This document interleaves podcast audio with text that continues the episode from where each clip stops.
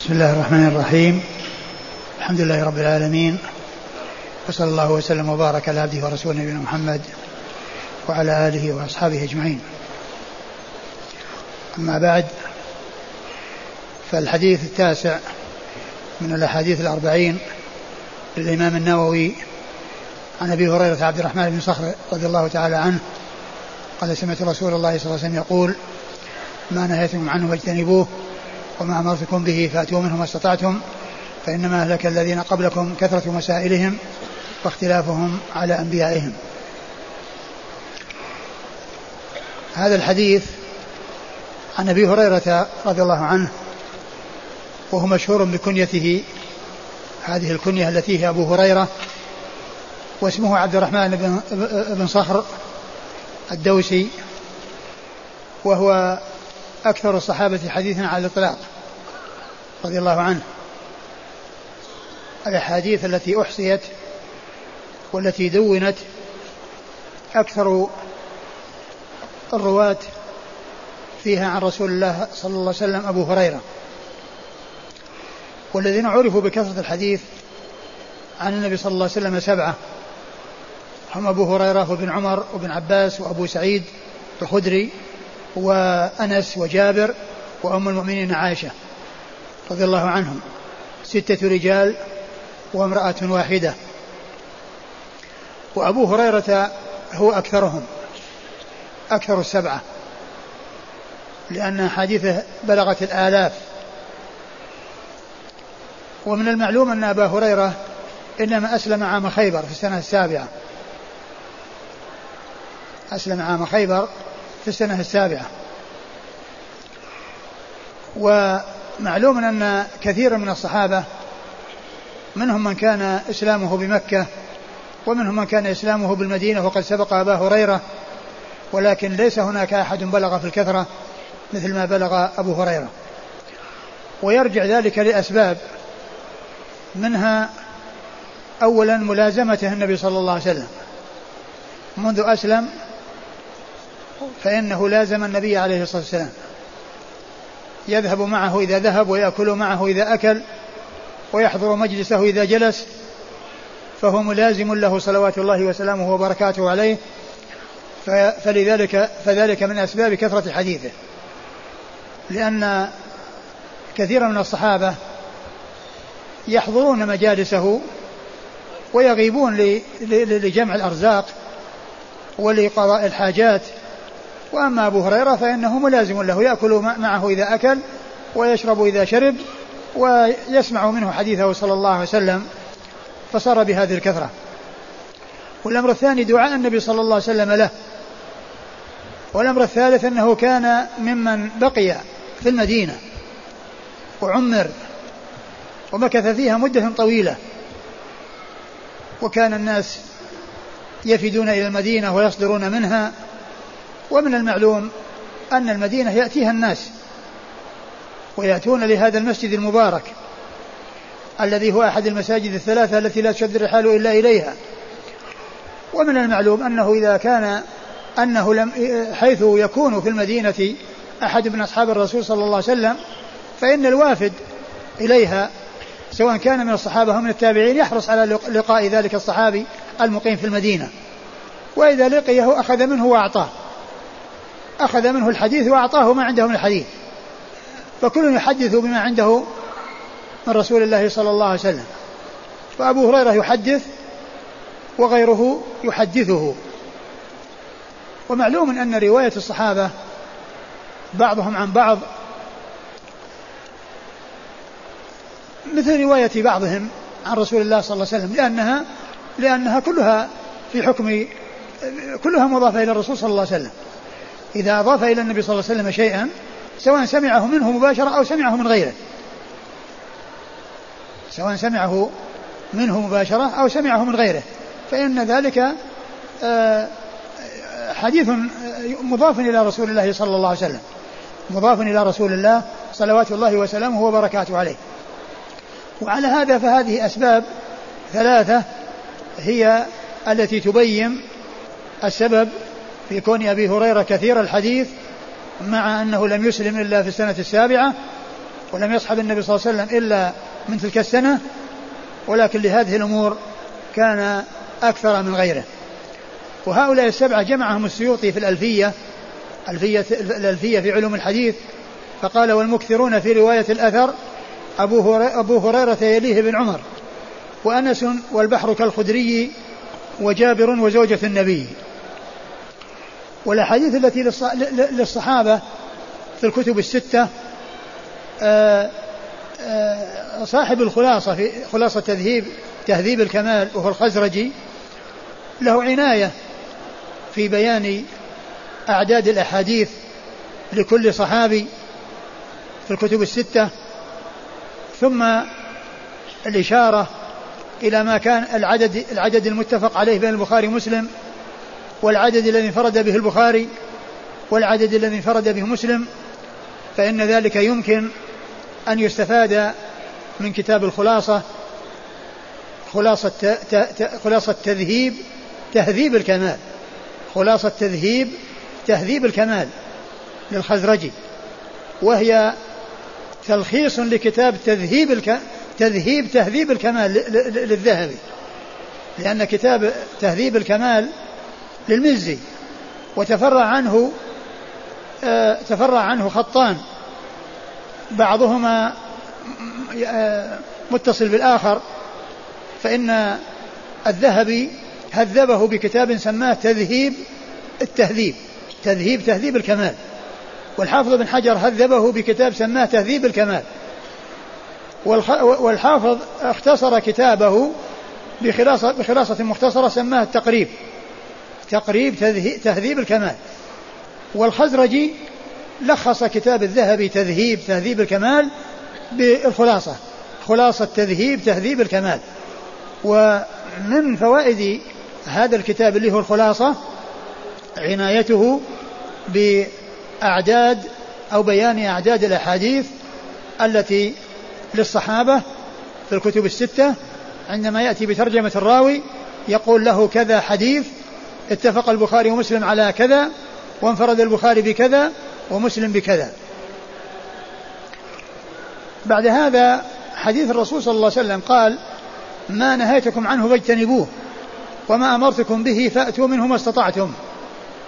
وهذا حديث وهذه الجملة من جوامع كلمة صلى الله عليه وسلم لأنه دخل فيها الأمر بفعل كل مأمور به على قدر الطاقة. وعلى قدر الاستطاعة. والنهي عن الإتيان أو الإقدام على كل منهي عنه مطلقا بدون تقييد. فقوله صلى الله عليه وسلم ما نهيتكم عنه فاجتنبوه ما قال ما استطعتم. وإنما أطلق لأن النهي لأن الترك مستطاع. لأن المناهي تروك والتروك مستطاعة لا تفعل كذا يستطيع أن لا يفعل. وأما وأما الأوامر فقيدت بالاستطاعة لأنها تكليف بفعل مطلوب الإتيان به فقد يستطاع وقد لا يستطاع ولكن الإنسان يأتي به على قدر استطاعته لا يكلف الله نفسا إلا وسعها. فلهذا قيد قيد الأمر بفعل المأمورات بالاستطاعة ولم يقيد ترك المنهيات بالاستطاعة لأن الترك مستطاع. كل يستطيع أن لا يفعل. لكن ليس كل يستطيع أن يفعل. كل مستطيع أن لا يفعل لأنه ترك. وليس كل مستطيع أن يفعل الذي هو تكليف أوامر فمثلا الصلاة مطلوب الإنسان يأتي بها قائما إذا كان في الفريضة. لا يجوز الاتيان بها عن جلوس إذا كان قادرا على القيام. ولا تصح الصلاة. الفريضة مع الجلوس وهو قادر على القيام. والإنسان مأمور بأن يصلي. والنبي صلى الله عليه وسلم بين أن الإنسان يصلي على قدر طاقته. كما جاء في حديث عمران بن حسين صل قائما فإن لم تستطع فقاعدا فإن لم تستطع فعلى جنب. وهذا آه، من أمثلة قوله فأتوا منه ما استطعتم. يعني أن الإنسان يأتي به على قدر طاقته. لا يكلف الله نفسا إلا وسعها. لا يكلف الله نفسا إلا وسعها. يأتي به على قدر طاقته. لا يلزم بأن يأتي شيء لا يطيقه. إنسان لا يستطيع أن يقوم يلزمه أن يقوم لا يكلف الله نفسا إلا وسعها. أما النواهي فهي تروك. والتروك باستطاعة. لا تشرب الخمر لا تشرب الخمر. لا تزني لا تزني. لا ترابي لا ترابي. لا آه، تسرق لا تسرق. لا تخون لا تخون. لا تغتاب لا تغتاب وهكذا كلها تروك ترك اترك. والترك مستطاع. وأما الأمر فهو الذي قد يستطاع وقد لا يستطاع. والإنسان يأتي به على قدر طاقته. فاتقوا الله ما استطعتم. وهنا يقول وما, نهيت وما أمرتكم به فأتوا منه ما استطعتم. وما أمرتكم به فأتوا منه ما استطعتم. الإنسان مأمور أن يتوضأ. مأمور أن يتوضأ. فإذا لم يجد ماء يكفي للوضوء ولكنه وجد شيئا يكفي للبعض فإنه يتوضأ في الموجود ويتيمم للباقي. لأن هذا هو الذي يستطيعه وكذلك الإنسان لو وجبت عليه زكاة الفطر إذا وجب من وجبت عليه زكاة الفطر وهو يستطيع الصاع يدفع صاع. لكن من لم يستطع إلا نصف الصاع يدفع نصف الصاع. فاتقوا الله ما استطعتم. يدفع نصف الصاع يأتي بقدر يأتي بقدر ما يستطيعه. ولا يقال إنه آه، إن حصل صاع آه، فإنه آه، يفعل وإن لم يحصل إلا أقل من صاع لا يفعل. لا لأن نصف الصاع يكفي يغني. يغني وفي فائدة للمحتاجين. فإذا كان عنده زيادة عن حاجته مقدار نصف الصاع وليس عنده صاع فإنه يدفع نصف الصاع ونصف الصاع يكفي لمن هو محتاج إليه. ولمن ليس بيده شيء أصلا. لكن الحد المطلوب والقدر المطلوب هو صاع. لكن من لا يستطيع واستطاع دونه فإنه يفعله. لكن لا يقال هذا في كل شيء. الإنسان إذا ما استطاع يصوم إلا نصف النهار يصوم نصف النهار ويفطر الظهر لا. لأن الصوم لا يتجزأ. وإنما هو آه وإنما هو له بداية وله نهاية. فالإنسان الذي يأتي به يأتي به والإنسان الذي لا يأتي به عدة من أيام أخرى. يأتي يكون عدة من أيام أخرى. لا يقال للإنسان يمكن أنه يصوم بعض الوقت ويفطر في أثناء النهار لأنه يستطيع أن يصوم نصف النهار ولكن لا يستطيع صيام النهار كاملا. ليس ليس هذا من هذا من هذا القبيل الذي يجوز الذي يأتي به الإنسان. لأن ذلك يقبل التجزئة وهذا ما يقبل التجزئة. أقول ذاك يقبل التجزئة وهذا لا يقبل التجزئة. وإن كان الإنسان إذا إذا إذا إذا قدم مسافرا وكان مفطرا لكونه مسافر ثم وصل البلد وانتهى حكم السفر فإنه يمسك البقية. يمسك البقية ولا يجوز له أن يأكل ما دام أنه مقيم ولو كان بعض النهار اللي هو آخره. لأنه لا يأكل ليس له أن يأكل لأن الأكل أبيح له لعارض فلما انتهى ذلك العارض وصار من, من المقيمين صار حكم حكم المقيمين يلزمه أن يمسك البقية بقية اليوم ولكنه القضاء متعين عليه لأنه لم يصم ذلك اليوم لكنه لا يكون حاضرا ويأكل ويشرب وهو, وهو حاضر. ولو كان ذلك آه، أنه كان في أول النهار من أهل الأعذار الذين لهم أن يأكلوا لكنه زال العذر فعليه أن يمسك ولكنه لا يستفيد. من هذا الإمساك شيئا بمعنى أنه يعني آه، يمكن أن يغني عن الواجب بل لابد أن يقضي يوما مكان ذلك اليوم. ثم إن آه، كما قلت أن هذا مقيد بالاستطاعة وهذا لم يقيد باستطاعة وأن هذا هو الفرق لأن هذه تروك هذه أفعال. يوضح ذلك في, في الأمور الحسية والأمور المشاهدة المعاينة ما لو قال إنسان لا تدخل مع هذا الباب. لا تدخل مع هذا الباب. يستطيع أنه ما يدخل مع الباب. لأنه مو صعب عليه. وليس شاقا عليه. يستطيع أن لا يدخل. لا تدخل مع هذا الباب. هذا ترك. وهو مستطاع. لكن لو قال له احمل هذه الصخرة قد يستطيع. حملها وقد لا يستطيع. لأن هذا أمر فعل. لأن هذا تكليف. فقد يستطيع حملها وقد لا يستطيع حملها. فالأوامر قد تستطاع وقد لا تستطاع والنواهي مستطاعة. ما يقال إنها غير مستطاعة. لا يقال إنها غير مستطاعة بل هي مستطاعة. فعلى الإنسان أن يمتثل المأمور وأن على حسب استطاعته وأن يترك المنهي مطلقا. ولا يقال إنه يستطيع أو ما يستطيع بل هو مستطيع. لأن لأن المناهي ترك والترك مستطاع. ثم إن الأوامر منها ما يكون واجبا ومنها ما يكون مستحبا ومندوبا. فالواجب لا بد من الإتيان به. ولو لم يأتي به فإنه يأثم ويستحق العقوبة. وأما المندوب فهو فيه تكميل وفيه فضل وثواب وتكمل الفرائض بالنوافل. إذا كان حصل فيها نقص الفرائض تكمل. إذا كان فيها نقص من النوافل كما جاءت بذلك السنة عن رسول الله صلى الله عليه وسلم. فإذا كانت واجبة فيتعين الإتيان بها. وإذا كانت مستحبة فيستحب الإتيان بها. ومن تركها فإنه لا يأثم. لأن المندوب هو ما يثاب فاعله ولا يعاقب تاركه.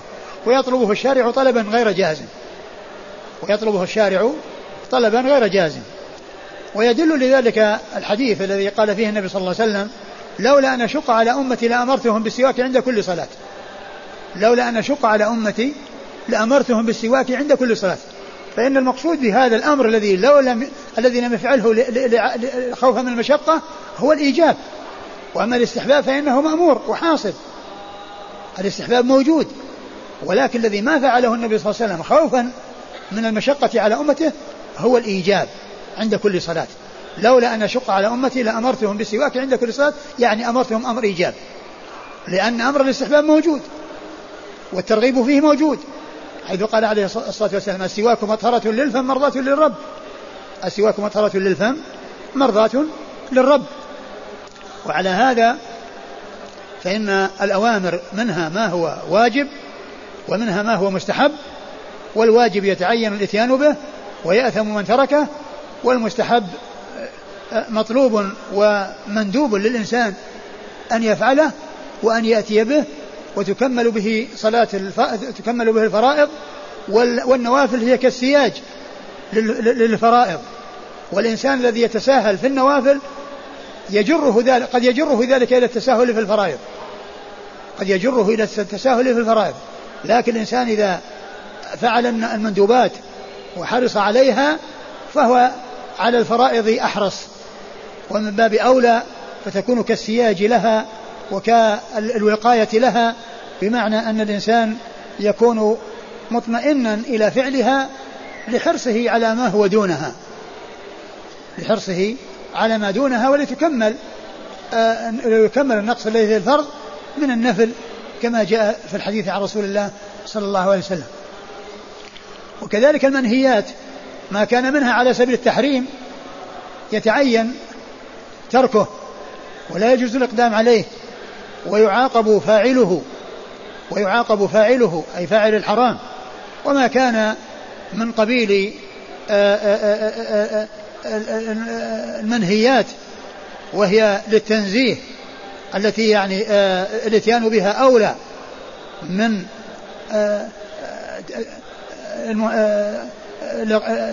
كون الإنسان يتركها لا شك أن هذا هو الأولى والأفضل ولكنه لو فعل ذلك لم يكن فعل أمرا محرما. فعل أمرا جائزا فهو يثاب تاركها ولا يعاقب فاعلها. المكروه يعني كراهة التنزيه يثاب فاعله يثاب تاركه ولا يعاقب فاعله لأنه جائز.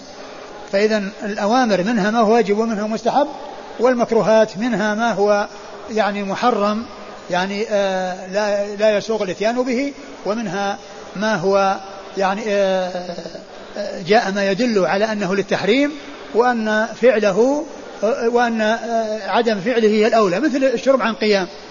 الشرب عن قيام. يعني جاء النهي عن الشرب عن قيام ولكنه جاء عن النبي صلى الله عليه وسلم فعل ذلك فيكون وكذلك جاء عن أصحابه الكرام مثل علي رضي الله عنه فهذا يدل على أن الشرب جالسا هو المطلوب وهو الذي ينبغي وأن الإنسان لو شرب قائما فإن ذلك سائغ وليس بحرام. ما أمرت ما نهيتكم عنه فاجتنبوه. وما أمرتكم به فأتوا منه ما استطعتم. ثم إن النبي صلى الله عليه وسلم بين أن من أسباب هلاك الأمم السابقة كثرة المسائل والاختلاف على الأنبياء. فقال عليه الصلاة والسلام فإنما أهلك من كان قبلكم كثرة مسائلهم واختلافهم على أنبيائهم. والمراد بكثرة المسائل المسائل التي تكون من غير حاجة والتي تكون تعنتا أو يكون فيها آه، آه، قد يترتب عليها في زمن النبوة أن يحرم شيء بسبب تلك المسألة أو يوجب شيء يعني يكون فيه مشقة كبيرة بسبب تلك المسألة. أو أو يوجب شيء يعني فيه مشقة كبيرة في تلك المسألة. وقد جاء في حديث أبي هريرة حديث أبي هريرة هذا في صحيح مسلم لسبب. جاء ذكر سبب له في صحيح مسلم. وهو أن النبي صلى الله عليه وسلم خطب الناس فقال يا أيها الناس إن الله كتب عليكم الحج فحجوا. فقام رجل فقال يا رسول الله أفي كل عام؟ فأعرض عنه النبي صلى الله عليه وسلم فأعادها والنبي صلى الله عليه وسلم يعرض عنه فغضب وقال لو قلت نعم لوجبت ولو وجبت ما استطعتم ذروني ما تركتكم فإنما أهلك من كان من كان قبلكم كثرة مسائلهم واختلافهم على أنبيائهم. فهذا الحديث في صحيح مسلم يبين سبب الحديث وأن الأسئلة التي تكون من هذا القبيل هي التي هي هي, هي المنهي عنها وهي الممنوع منها وهي التي كانت من أسباب هلاك الأمم السابقة.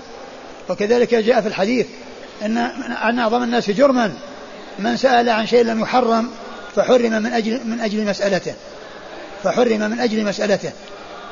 يعني فيكون الأسئلة التي يترتب عليها مضرة في زمن النبوة لأن الزمن زمن تشريع. فقد يوجب ما فيه مشقة وقد يحرم ما فيه مصلحة وما فيه منفعة وما فيه فائدة. فلهذا ذم ذمت الأسئلة التي فيها تكلف والتي فيها تشديد أو يترتب عليها تشديد على هذه الأمة فإنها مذمومة. والرسول صلى الله عليه وسلم حرمها وبين أنها أن أن تلك من أسباب الهلاك هلاك الأمم السابقة. فهذا الرجل الذي قال إن الله لما قال إن الله فرض لكم الحج فحجوا فقال أفي كل عام؟ أفي كل عام يعني نحج كل عام؟ لو فرض الحج في كل عام كما قال الرسول ما استطاع الناس يحجوا كيف يحجوا؟ وكيف أيضا يأخذهم المكان؟ وهو, وهو واجب عليهم جميعا. وأن كل واحد يحج كل سنة. هذا من الصعوبة أو فيه صعوبة شديدة وفيه مشقة عظيمة. ولا ولا يستطاع. ولهذا قال ولو وجبت ما استطعتم فأرشد عليه الصلاة والسلام إلى النهي من مثل هذه الأسئلة وغضب لذلك وأخبر أن الأمم السابقة أن من أسبابها من أسباب هلاكها ما كان مثل ذلك. وقد جاء في, في, في الكتاب والسنة جاء في الشريعة أمثلة من أسئلة الأمم السابقة والأشياء التي يسألون عنها وفيها تكلف وفيها تعسف. منها ما جاء في القرآن من أهل الكتاب يسألك أهل الكتاب أن تنزل عليهم كتابا من السماء. فقد سألوا موسى أكبر من ذلك فقالوا أرنا الله جهرة. فهذا من الأشياء الأسئلة التي فيها تعنت وفيها تكلف وفيها آآ آآ الاتيان بأمور لا يصلح أن يسأل عنها ولا يتشاغل يتشاغل بها. وكذلك قصة البقرة التي أمروا بذبحها فكان يجزيهم أن ي... أي بقرة يأخذوها فيذبحوها. ثم يعني يضرب على القتيل الذي آه الذي قتل ولا يعرف قاتله بشيء منها ولكنهم سألوا أسئلة متعددة وتعنتوا وشددوا وشدد الله عليهم. وكان يكفيهم أي بقرة. إن الله يأمركم أن تذبحوا بقرة أي بقرة. لكن سألوا أسئلة يعني عن عنها يعني عن سنها وعن لونها وصفاتها. وبعد ذلك صاروا إلى نوع معين بعد تلك الأسئلة المتكلفة فصار آه، شددوا فشدد الله عليه. فهذا من جملة ما أثر وما جاء عن الأمم السابقة من التكلف ومن الأسئلة التي كانت من أسباب هلاكهم وحذرت هذه الأمة أن تفعل مثل ما فعلوا. ثم إن المسائل المسائل منها ما يكون الإنسان بحاجة إليه كمعرفة الأمور التي لا بد منها كمعرفة الوضوء كيف يتوضأ والصلاة كيف يصلي وأيضا كيف يزكي إذا كان عنده مال والصيام كيف يصوم. فمثل هذه أمور مطلوب أن يسأل عنها مطلوب أن يسأل عنها. وأما إذا سئل عن أسئلة فيها تكلف عن أمور مغيبة مثل السؤال متى تقوم الساعة وعن عمر الدنيا كم مقدار عمرها وعن الأشياء التي يعني عن أمور مغيبة لا يعلمها إلا الله عز وجل أو السؤال عن كيفيات أشياء ليس للإنسان يسأل عنها مثل الذي سأل مالك عن الرحمن استوى الرحمن على استوى كيف استوى؟ سأل عن الكيفية. فمثل هذه الأسئلة لا يجوز السؤال عنها وإنما الإنسان يسأل عما يحتاج إليه في أمور دينه. ثم كذلك الاشتغال عن أمور يحتاج الإنسان إليها في أعماله اليومية وباستمرار. ثم يسأل عن أمور خيالية أو أمور نادرة الوقوع أو أمور قد لا يتصور وقوعها فيكون ذلك من شغل الوقت في غير طائل ومن التكلف الذي الذي هو آه غير محمود. فإنما أهلك من كان قبلكم كثرة مسائلهم واختلافهم على أنبيائهم. فهذا الحديث حديث عظيم. ما نهيتكم عنه فاجتنبوه وما أمرتكم به فأتوا منه ما استطعتم. فإنما أهلك من كان قبلكم كثرة مسائلهم واختلافهم على أنبيائهم. وقد كتبت في بعض الفوائد فنقرأها. بسم الله الرحمن الرحيم. الحديث التاسع عن أبي هريرة عبد الرحمن بن صخر رضي الله تعالى عنه قال سمعت رسول الله صلى الله عليه وعلى آله وسلم يقول ما نهيتكم عنه فاجتنبوه وما أمرتكم به فأتوا منه ما استطعتم فإنما أهلك الذين من قبلكم كثرة مسائلهم واختلافهم على أنبيائهم. رواه البخاري ومسلم. واحد اتفق الشيخان. قول, قول المحدثين والمخرجين للأحاديث رواه البخاري ومسلم المقصود من ذلك الاتفاق على المعنى. ولا يلزم أن يكون الاتفاق في الألفاظ. ولهذا بعض العلماء يعني عندما يعني يذكر قال واللفظ لفلان رواه فلان وفلان واللفظ لفلان. وهذا هو الذي فيه يعني بيان أن اللفظ لفلان ولكن الثاني موافق له في المعنى. وهذا الحديث بهذا اللفظ هو من أفراد مسلم. لأن الأحاديث الأخرى عند مسلم وعند غير مسلم برواية أخرى قال ذروني ما تركتكم فإنما أهلك ما كان قبلكم كثرة مسائلهم واختلافهم على أنبيائهم فما فإذا أمرتكم بأمر فأتوا منه ما استطعتم وإذا نهيتكم عن شيء فاجتنبوه. هذا هو الذي تعددت به الروايات جاءت عند البخاري وكذلك عند مسلم ولكنه جاء في بعض الطرق عند مسلم في كتاب الفضائل بهذا اللفظ. يعني ما نهيتكم عن ما نهيتكم عن فاجتنبوه وما أمرتكم به فأتوا منه ما استطعتم فإنما أهلك من كان قبلكم كثرة مسائلهم واختلافهم على أنبيائهم. اذا إذا قيل رواه البخاري ومسلم فمعنى ذلك أنهم اتفقوا على المعنى. ولا ولا ولا, ولا يلزم أن يكون في الألفاظ متفق عليها أو التقديم والتأخير أو على الهيئة التي هي موجودة انه متفق عليها. قد يكون فيه تقديم وتأخير. مثل في هذا الحديث. فإنه عند البخاري فيه تقديم وتأخير وعند مسلم أيضا بخلاف هذه الصيغة ولكنه جاء أيضا بهذه الصيغة. فالإمام النووي رحمه الله أتى بها من صحيح مسلم و و عنده صيغ صيغة أخرى وعند البخاري أيضا صيغة أخرى ليست مثل هذه الصيغة التي فيها تقديم الجملة الكلية هذه الجامعة. التي فيها آه، آه، امتثال كل ما هو مأمور على قدر الاستطاعة والانتهاء عن كل منهي مطلقا بدون تقييد. نعم. إذا ألا يكون الأولى في هذه الحال أن يقال واللفظ لفلان؟ هذا هو الأولى نعم. أقول هذا هو الأولى. نعم.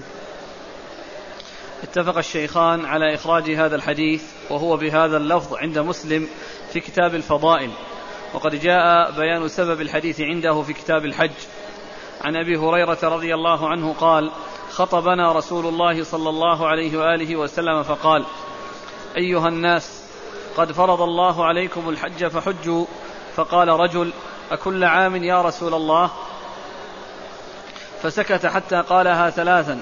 فقال رسول الله صلى الله عليه وآله وسلم لو قلت نعم لوجبت ولما استطعتم. ثم قال ذروني ما تركتكم فإنما هلك من كان قبلكم بكثرة سؤالهم واختلافهم على أنبيائهم. فإذا أمرتكم بشيء فأتوا منه ما استطعتم وإذا نهيتكم عن شيء فدعوه. اثنين قوله ما نهيتكم عنه فاجتنبوه وما أمرتكم به فأتوا منه ما استطعتم فيه تقييد امتثال الأمر بالاستطاعة دون النهي. وذلك أن النهي من باب التروك وهي مستطاعة فالإنسان مستطيع الا يفعل. وأما الأمر فقد, قي فقد قيد بالاستطاعة لأنه تكليف بفعل. فقد يستطاع ذلك فقد يستطاع ذلك الفعل وقد لا يستطاع. فالمأمور يؤتى أو فالمأمور يأتي بالمأمور به حسب استطاعته. فمثلا لما نهي عن شرب الخمر والمنهي مستطيع عدم شربها والصلاة مأمور به والصلاة مأمور بها لعلها وهو يصليها نعم. وهو يصليها على حسب استطاعته. نعم. من قيام المأمور نعم. وهو يصليها على حسب استطاعته من قيام وإلا فعن جلوس وإلا فهو مضطجع ومما يوضحه في الحسيات ما لو قيل ما لو قيل لإنسان لا تدخل من هذا الباب. فإنه مستطيع ألا يدخل لأنه ترك. ولو قيل له احمل هذه الصخرة فقد يستطيع حملها وقد لا يستطيع لأنه فعل. ثلاثة ترك المنهيات باق على عمومه ولا يستثنى منه إلا ما تدعو الضرورة إليه كأكل الميتة لحفظ النفس ودفع الغصة بشرب قليل من الخمر. أربعة النهي الذي يجب اجتنابه ما كان للتحريم وما كان للكراهة فيجوز فعله وتركه أولى من فعله. خمسة المأمور به يأتي به المكلف على قدر طاقته. لا يكلف الله نفسا إلا وسعها. فإذا كان لا يستطيع الإتيان بالفعل على الهيئة الكاملة أتى به على ما دونها. فإذا لم يستطع أن يصلي قائما صلى جالسا. وإذا لم يستطع الإتيان بالواجب كاملا أتى بما يقدر عليه منه. فإذا لم يكن عنده من الماء ما يكفي للوضوء توضأ بما عنده وتيمم للباقي. وإذا لم يستطع إخراج صاع لزكاة الفطر وقدر على إخراج بعضه أخرجه. ستة قوله فإنما أهلك الذين من قبلكم كثرة مسائلهم واختلافهم على أنبيائهم. المنهي عنه في الحديث ما كان من المسائل في زمنه يترتب عليه تحريم شيء على الناس بسبب مسألته وما يترتب عليه إيجاب شيء. إيجاب شيء فيه مشقة كبيرة فيه مشقة كبيرة وقد لا يستطاع كالحج في كل عام. والمنهي عنه والمنهي عنه يعذر منه ما كان فيه تكلف وتنطع. إيش؟ والمنهي عنه يترك أو أقول يترك أو لا يفعل أو لا يعني ما كان فيه تنطع أو يمنع. ما كان فيه تكلف وتنطع واشتغال به عما هو أهم منه. سبعة قال ابن رجب في جامع العلوم والحكم وقد انقسم الناس في هذا الباب أقساما. فمن فمن يعني ما كان في زمنه صلى الله عليه وسلم مما قد يترتب عليه إيجاب أمر فيه مشقة أو تحريم أمر فيه مصلحة ومنفعة هذا خاص بزمن النبوة لأنه زمن تشريع.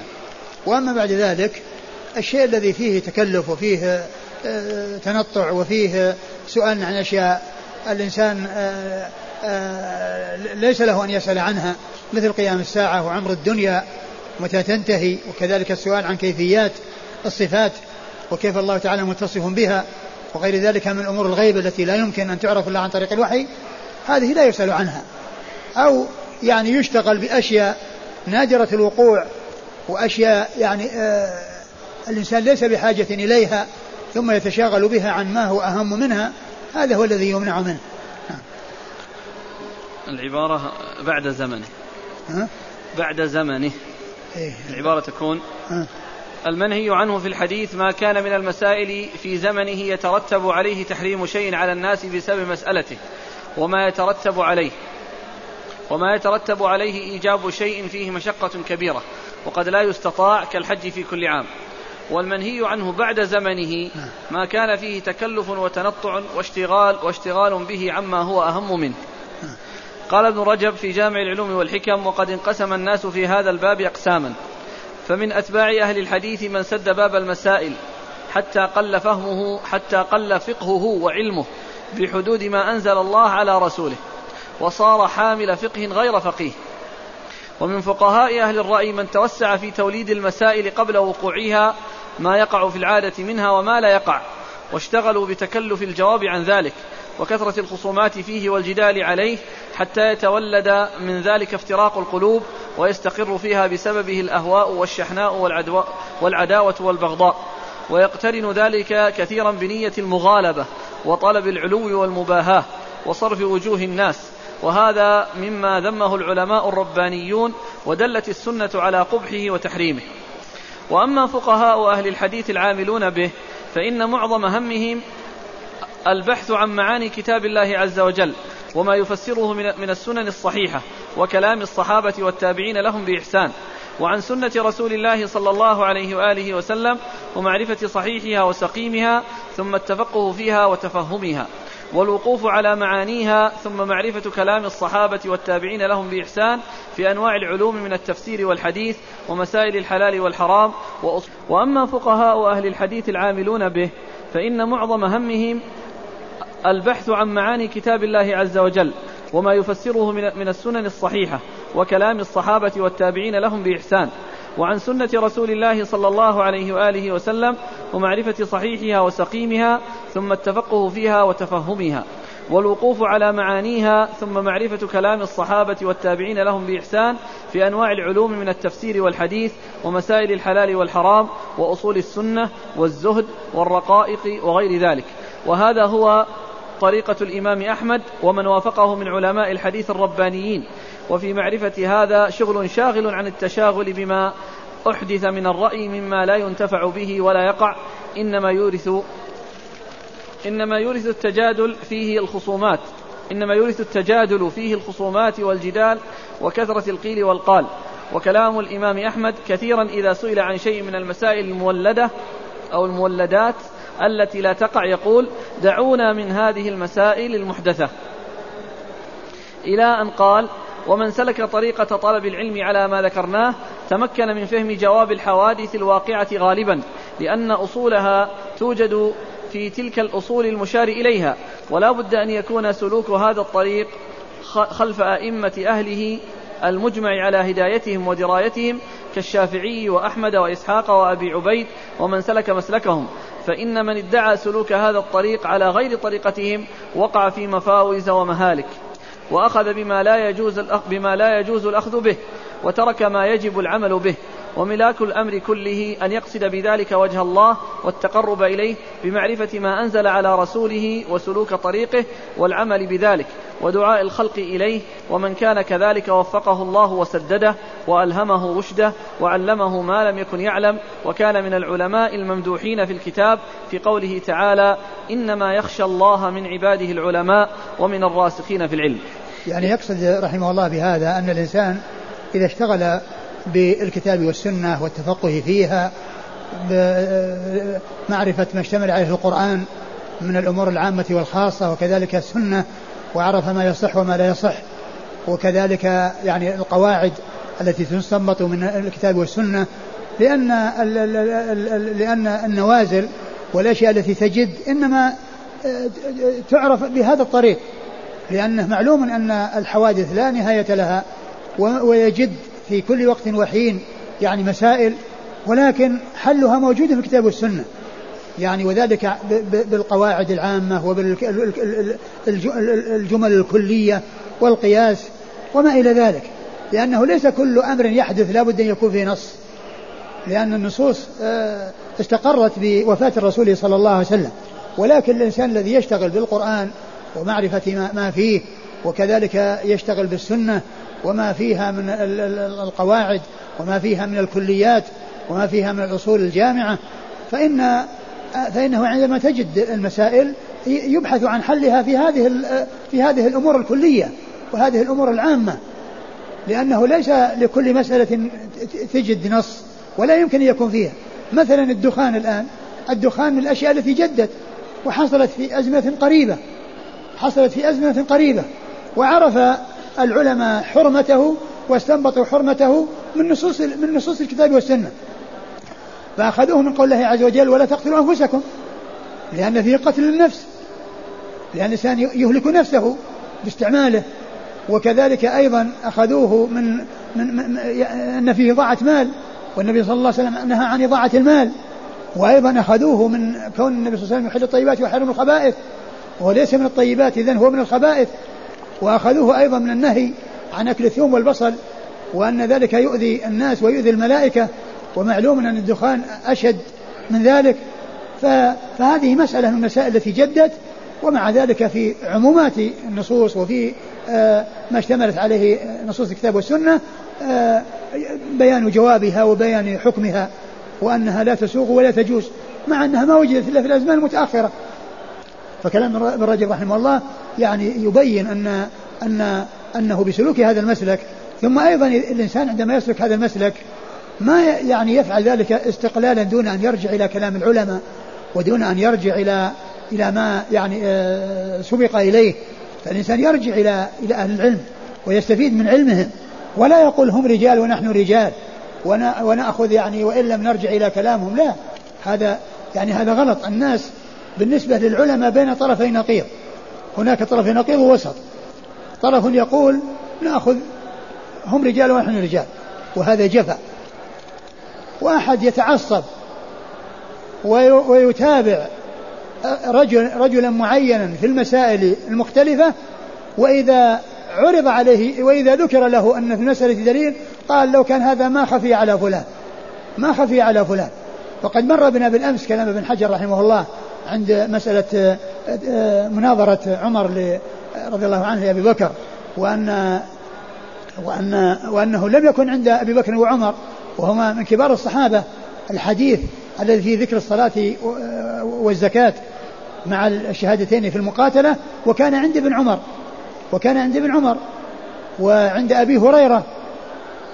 ولهذا قال الحافظ بن حجر ولهذا لا يلتفت إلى الآراء. ولو قويت إذا وجد سنة تخالفها ولا يقال كيف خفي هذا على فلان. ولا يقال كيف خفي هذا على فلان. فالإنسان والطرف الثاني التعصب. كون الإنسان يتعصب. فإذا طرف فيه جفاء وطرف فيه تعصب. والطرف والحق وسط بين هذا وهذا.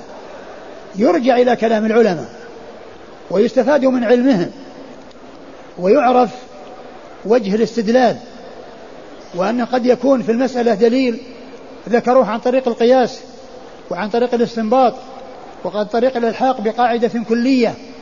الإنسان لا يتنبه لذلك إلا إذا رجع إلى إلى كلامهم ولهذا يقول ابن القيم رحمه الله في كتاب الروح كلاما جميلا يقول إن العلماء يجب توقيرهم وتعظيمهم والاستفادة من علمهم وكون الإنسان يرجع إليهم عند عند عند عندما لا يوجد الدليل الواضح في المسألة يرجع إلى كلامهم وإلى استنباطهم وإلى مآخذهم فقد يتبين له من كلامهم ما يعني ينير له الطريق وما يعني يتبصر به. ثم قال رحمه الله إن الرجوع إليهم للوصول إلى الحق. ثم ضرب لذلك مثلا فقال مثل الإنسان إذا كان في الفلاة وهو لا يعرف جهة القبلة يستدل إلى جهة بالنجوم. يستدل إليها بالنجوم. مطالعها ومغايبها ويعرف وين اتجاه القبلة بالنظر في النجوم. فيقول فإن الإنسان عندما إذا كان في الفلاة يحتاج إلى أن ينظر في النجوم. إلى الكعبة وصار تحتها والقبلة أمامه. ما ينظر في السماء يبحث عن عن القبلة يبحث عن النجوم ليهتدي للقبلة. هي القبلة قدامه والقبلة أمامه. فإذا الإنسان إذا إذا إذا خفي الدليل وصار يعني ليس واضحا والحكم ليس واضحا لا شك أن الرجوع للعلماء في ذلك تمكين له من أن يعرف إلى يعرف الحق في ذلك. فكلام ابن رجب رحمه الله هو من هذا القبيل. يعني معناه الإنسان يشتغل بتفهم القرآن والحديث ويرجع إلى كلام العلماء ويستفيد منهم. نعم. إلى أن قال وفي الجملة فمن امتثل ما أمر به النبي صلى الله عليه وآله وسلم في هذا الحديث وانتهى عما نهى عنه وكان مشتغلا بذلك عن غيره حصل له النجاة في الدنيا والآخرة ومن خالف ذلك واشتغل بخواطره وما يستحسنه وقع فيما حذر منه النبي صلى الله عليه وآله وسلم من حال أهل الكتاب الذين هلكوا بكثرة مسائلهم واختلافهم على أنبيائهم وعدم انقيادهم وطاعتهم لرسلهم. ثمانيه مما يستفاد من الحديث واحد وجوب ترك كل ما حرمه الله ورسوله صلى الله عليه وسلم. اثنين وجوب الإتيان بكل ما أوجبه الله ورسوله صلى الله عليه وآله وسلم. ثلاثة التحذير من الوقوع فيما وقع فيه أهل الكتاب مما كان سببا في هلاكهم. أربعة أنه لا يجب على الإنسان أكثر مما يستطيع. خمسة أن من عجز عن بعض المأمور كفاه أن يأتي بما قدر عليه منه. ستة الاقتصار في المسائل عما يحتاج إليه وترك التنطع والتكلف في المسائل. انتهى. والله تعالى أعلم وصلى الله وسلم وبارك على عبده ورسوله نبينا محمد وعلى آله وصحبه أجمعين. جزاكم الله خيرا بارك الله فيكم ونفعنا الله بما قلتم